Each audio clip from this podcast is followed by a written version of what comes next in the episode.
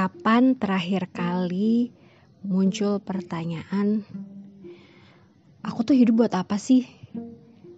Muncul di diri atau pikiran teman tok. Buka podcast langsung disuruh ini ya, berapa merefleksikan diri gitu. Aku nanya kenapa eh kapan?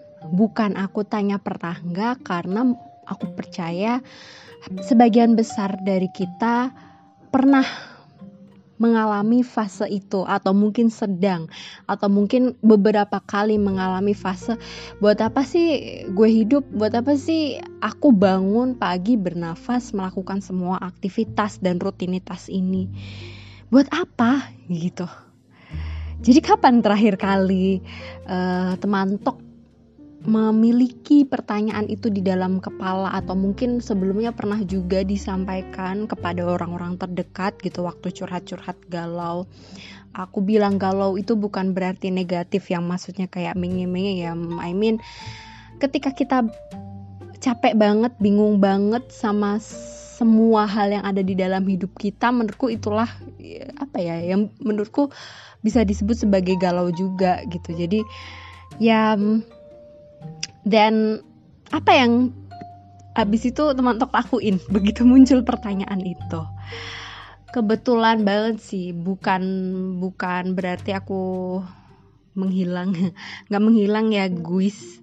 Nggak menghilang ya guys. Uh, karena berbagai kesibukan jadi baru bisa ngepost uh, podcast baru di hari ini atau di saat ini gitu I mean ya beberapa kali ya uh, muncul pertanyaan itu gitu. Buat apa sih aku hidup? Buat apa sih aku melakukan semua rutinitas ini? Kayak uh, apakah rutinitas ini tuh meaningless?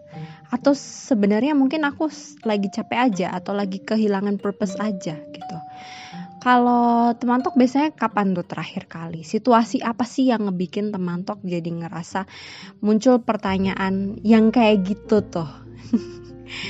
um, tentu ya karena ini satu arah nih kita ngobrolnya mungkin jawaban ini ya cukup dijawab dalam hati atau sambil mencatat-catat merefleksikan diri itu boleh banget. Aku pingin ngajak teman tok aja buat lebih apa ya menyelami sih maksudnya situasi-situasi yang kayak gini dan apa ya membagikan perspektif kali ya berdasarkan pengalaman dan juga ilmu ya yang aku punya gitu ketika menghadapi situasi yang kayak gini. Um, menanyakan purpose hidup itu menurutku gak cuma di usia 20-an atau apa yang populer sempat populer sekarang mungkin masih populer cuma kayaknya udah nggak terlalu sering disebutkan juga sih menurutku. Itu quarter life crisis gitu kayak ya bukan berarti ketika umur lo udah 25 tahun ke atas terus lo nggak bisa berpikiran atau muncul pikiran kayak gitu menurut menurutku sih nggak gitu juga ya itu cuma waktu dan momen aja sih. Mungkin dalam situasi-situasi yang lain kayak hidup tuh udah penuh dengan kepastian gitu ya. Uh, kita udah tahu selanjutnya seperti apa atau mungkin kita berada di dalam zona nyaman kita. Ketika kalau kita jatuh itu tuh ada orang yang ngedukung kita. Meanwhile at the moment at that moment kita kehilangan itu gitu. Bisa jadi karena jarak gitu ya yang lagi jauh bisa jadi memang kita ngerasa uh, kita nggak percaya siapa-siapa aja di saat itu. Dan itu bisa terjadi gitu. Namanya kita manusia ya maksudnya bisa berubah-berubah gitu ya pikirannya minatnya keinginannya harapannya bahkan purpose dalam menjalankan sesuatu bidang pekerjaan rutinitas yang sebenarnya it's my dream gitu your dream gitu ya mimpi kita ataupun sesuatu yang memang ya ini kita cita-citakan kita harapkan atau mungkin setidaknya um, apa ya cukuplah dibandingkan situasi mungkin kalau menilik ke beberapa waktu sebelumnya ini jauh lebih baik gitu ya situasinya daripada sebelumnya gitu. Ya menurutku tuh wajar banget sih maksudnya hmm, apa ya mungkin ketika hal itu terjadi ya. Di saat itu uh, kayak yang aku bilang tadi biasanya kalau lagi capek banget jenuh banget sama rutinitas kayak aku nggak tahu ke mana harus melarikan diri dari semua ini tapi mohon maaf menjadi dewasa tidak semudah itu kan melarikan diri ya. Ibarat kata kalau anak kecil nih ya ya aku percaya sih maksudnya momen melarikan diri ketika jadi anak kecil juga nggak semudah itu ya. Cuma maksud aku ketika kita anak jadi anak kecil kita misalnya menangis saja ya karena kita nggak nyaman sama sesuatu uh, biasanya orang tua atau mungkin figur orang tua kita uh, akan melindungi kita dan mengatakan oh nggak apa-apa kamu nggak suka ngerjainnya ya udah nggak apa-apa gitu. Akan kemudian entah mendistraksi baru kemudian me, meminta kita tetap melanjutkan ataupun yang biasanya paling enak sih ya apa yang nggak usah diterusin aja daripada nangis gitu kan. Biasanya sih kayak gitu ya waktu kita kecil. Nah sekarang mohon maaf ya jadi dewasa ya kan gimana uh, kita berhenti kerja gitu maksudnya. Ya tidak semudah itu kan pertama ada tanggung jawab. Yang kedua terus kalau nggak kerja di situ atau kalau nggak melakukan rutinitas itu apa yang harus kita lakukan gitu untuk uh, bertahan hidup secara finansial gitu? Iya nggak sih? Mikir gitu nggak sih? Ataupun mungkin uh, uh, taruhlah. Itu contoh pekerjaan ya karena yang paling umum mungkin bisa jadi ketika kita jenuh dengan pekerjaan. Atau bisa jadi ketika kita jenuh dengan berbagai peran yang kita miliki. Kayak apa ya mungkin ya jadi pasangan jadi kakak jadi anak dari orang tua yang mungkin kalau sekarang populer dibilang sandwich generation gitu ya. Uh, atau mungkin ditambah lagi jadi orang tua gitu dengan newborn baby dengan balita dengan anak-anak gitu kan nggak uh, bisa semudah itu kita kabur gitu. Ibaratnya kata kalau dibilang kabur itu ekstrim ya. Maksudku short escape lah ya menghindar sejenak gitu. Bahkan mungkin kalau kita mau aduh entar dulu deh gitu kayaknya rasanya tetap gak bisa. Pikiran ya tetap uh, apa ya ngarah ke sana gitu ngarah ke tanggung jawab kita. Tiba-tiba nanti ada rasa bersalah kayaknya aku seharusnya nggak seperti ini. Kok aku nggak tahu diri kok aku nggak bersyukur banget. Kemudian muncullah self blaming gitu dengan berbagai bentuk dan ragamnya yang sangat-sangat complicated gitu kan. Hmm, ketika momen itu terjadi sih sebenarnya aku ingin mengajak teman tok untuk uh, mengizinkan diri sendiri menjeda dari bukan semuanya sih ya semuanya terlalu ekstrim gitu ya kalau memang terlalu banyak hal yang bikin jenuh cuma maksudnya pelan-pelan aja. E, sebenarnya kalau kita mau memperhatikan lebih detail lagi ke diri sendiri sebelum apa ya kita jadi kayak meledak gitu ya kayak ngerasa saking bete kayak buat apa sih aku ngelakuin ini semua? kayak gitu.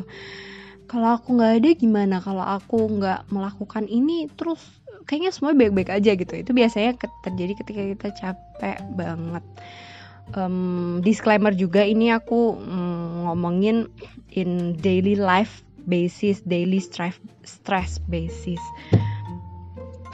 yang maksud aku mungkin ada beberapa dari kita yang muncul pertanyaan-pertanyaan itu ketika memang um, kita lagi struggling sama mental health issues terutama mungkin depresi itu situasi yang mungkin lebih kompleks lagi ya kita nggak bisa sekedar escape dari rutinitas atau nggak bisa sekedar um, apa ya berpura-pura baik-baik saja kasarannya kayak gitu. Meanwhile kita tahu kita uh, butuh untuk uh, pergi konseling, kemudian mungkin apa mm, rutin meminum uh, obat gitu ya berdasarkan hasil konsultasi kepada psikiater dan psikolog gitu kan. Uh, yang aku maksudkan di sini mungkin lebih ke daily basis stress yang yang jarang banget, jarang-jarang banget muncul gitu ya. Tapi yang perlu kita sadari juga kita, dari situasi kayak pertanyaan itu muncul sebenarnya bisa jadi alarm juga. Apakah ini sebatas aku capek atau sampai sejauh mana sih pikiranku? Apakah kalau depresi itu uh, kehilangan semangat terus menerus jadi ingin menarik diri ya bisa jadi terlalu banyak makan atau terlalu sedikit makan bahkan mungkin sampai muncul keinginan untuk menyakiti diri sendiri. Nah itu perlu kita waspadai juga bisa jadi red flag juga kalau um, itu saatnya kita butuh untuk konseling uh, gitu ya. Seenggaknya uh, online dulu dengan dengan psikolog, dengan konselor kayak gitu untuk tahu uh, apakah kita istilahnya cukup cukup sehat gitu ya, masih masih stres biasa atau mungkin sudah sudah sampai di tahap mungkin perlu uh, konsultasi yang lebih rutin gitu dibandingkan sekedar satu atau dua kali konseling itu perlu kita waspadai juga. dan apa ya hmm, balik lagi tadi ke bahasanya ketika ngobrolin ya buat apa sih kita hidup tuh biasanya apa ya mencari ulang gitu kan life purpose kita gitu uh, biasanya dengan memaksa diri kita mengingat-ingat ini kan mimpi kamu. Wow that doesn't work. Itu nggak ngaruh kalau kita lagi capek banget ya. Dengan itu catatannya. Kalau kita lagi capek banget ya kayak ngomong ke diri sendiri tuh percuma dengan hal-hal kayak gitu menurut aku. Yang perlu kita sadari oke okay, kita lagi capek. Biasanya itu itu yang terjadi ketika kita lagi capek atau kita lagi kecewa. Uh, kayak apa ya orang-orang di sekitar tidak mengap cukup mengapresiasi diri kita misalnya atau kayak semua hal yang kita lakukan tuh nggak pernah cukup. Semuanya selalu salah gitu ya kebetulan. Kebetulan beruntun tuh kejadiannya semuanya salah. Uh, kayaknya aku semuanya karena salahku gitu. Ya kita perlu ini sih menjeda gitu ya kayak mm, merefleksikan. Jadi sebenarnya kenapa aku begini? Uh, it, uh, kita butuh waktu untuk ya menjauh dari rutinitas itu. Mungkin ekstrim ya kalau menjauh maksud aku ya kita perlu menyediakan waktu pelan-pelan. Kalau ibarat kata misalnya bekerja gitu ya uh, bisa sampai larut malam mungkin kita bisa kasih waktu buat istirahat dulu aja gitu yang kadang-kadang atau beberapa kali atau mungkin akhir-akhir ini aku sampaikan ke diri sendiri bahwa um, bekerja itu adalah bagian dal dari rutinitas ya, atau bagian dari ya bagian dari kehidupan kita gitu ya maksud aku ya kamulah yang Mm, menjadi penentu akan seperti apa sih rutinitas 24 jam kita. Maksudnya ketika kita tahu kita membiarkan diri kita untuk terlalu fokus kepada hal yang lain selain diri sendiri, maksudnya ke pekerjaan, ke kebutuhan orang lain, bisa pasangan, keluarga,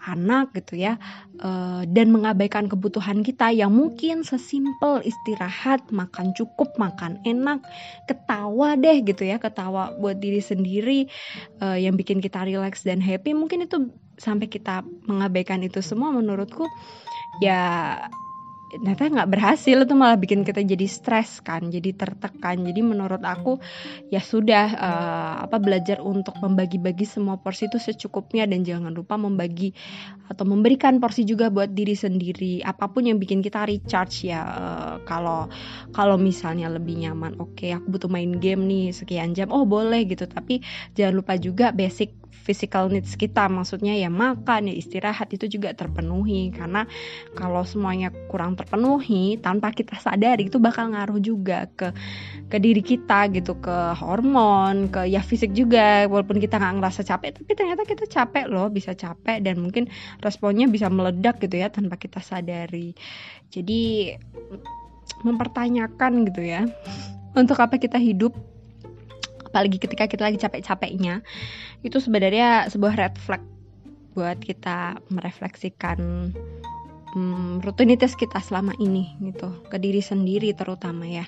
Apakah kita sudah cukup adil untuk memberikan prioritas kepada diri sendiri? It's not selfish kita semua tahu gitu ya. Ya ibarat kata lo hidup ya sepanjang hidup 24 jam masa iya nggak ngasih waktu buat diri sendiri gitu kan? Uh, meanwhile istilahnya pekerjaan ya bakal gitu-gitu aja gitu. Kalau pekerjaan gitu-gitu aja tanggung jawab dan peran gitu-gitu aja terus ya gimana kita bisa menjaga kewarasan kalau kita membiarkan kebutuhan diri kita tuh terkikis gitu ya istilahnya jadi habis baterai kita. Gitu jadi ya now I think it's time for us to reflect gitu ya. Hmm, apakah kita sudah cukup adil kepada diri sendiri dengan memberikan ruang yang nyaman waktu yang apa ya cukup untuk kita recharge diri sendiri? Atau mungkin masih ada nih PR-PR selanjutnya btw kalau pingin tahu ya lebih pingin tahu mengenal diri sendiri um, bisa banget baca buku The Art of Self Talking Journey to Heal from Within uh, tulisan aku ya Nisrina P. Utami yang bisa didapat di Gramedia uh, online bookstores gitu atau mungkin toko buku yang lainnya juga ada jadi thank you so much for listening. Semoga kita bisa ketemu di episode selanjutnya nggak lama-lama ya, nggak berbulan-bulan. Dan see you on the next podcast. Bye.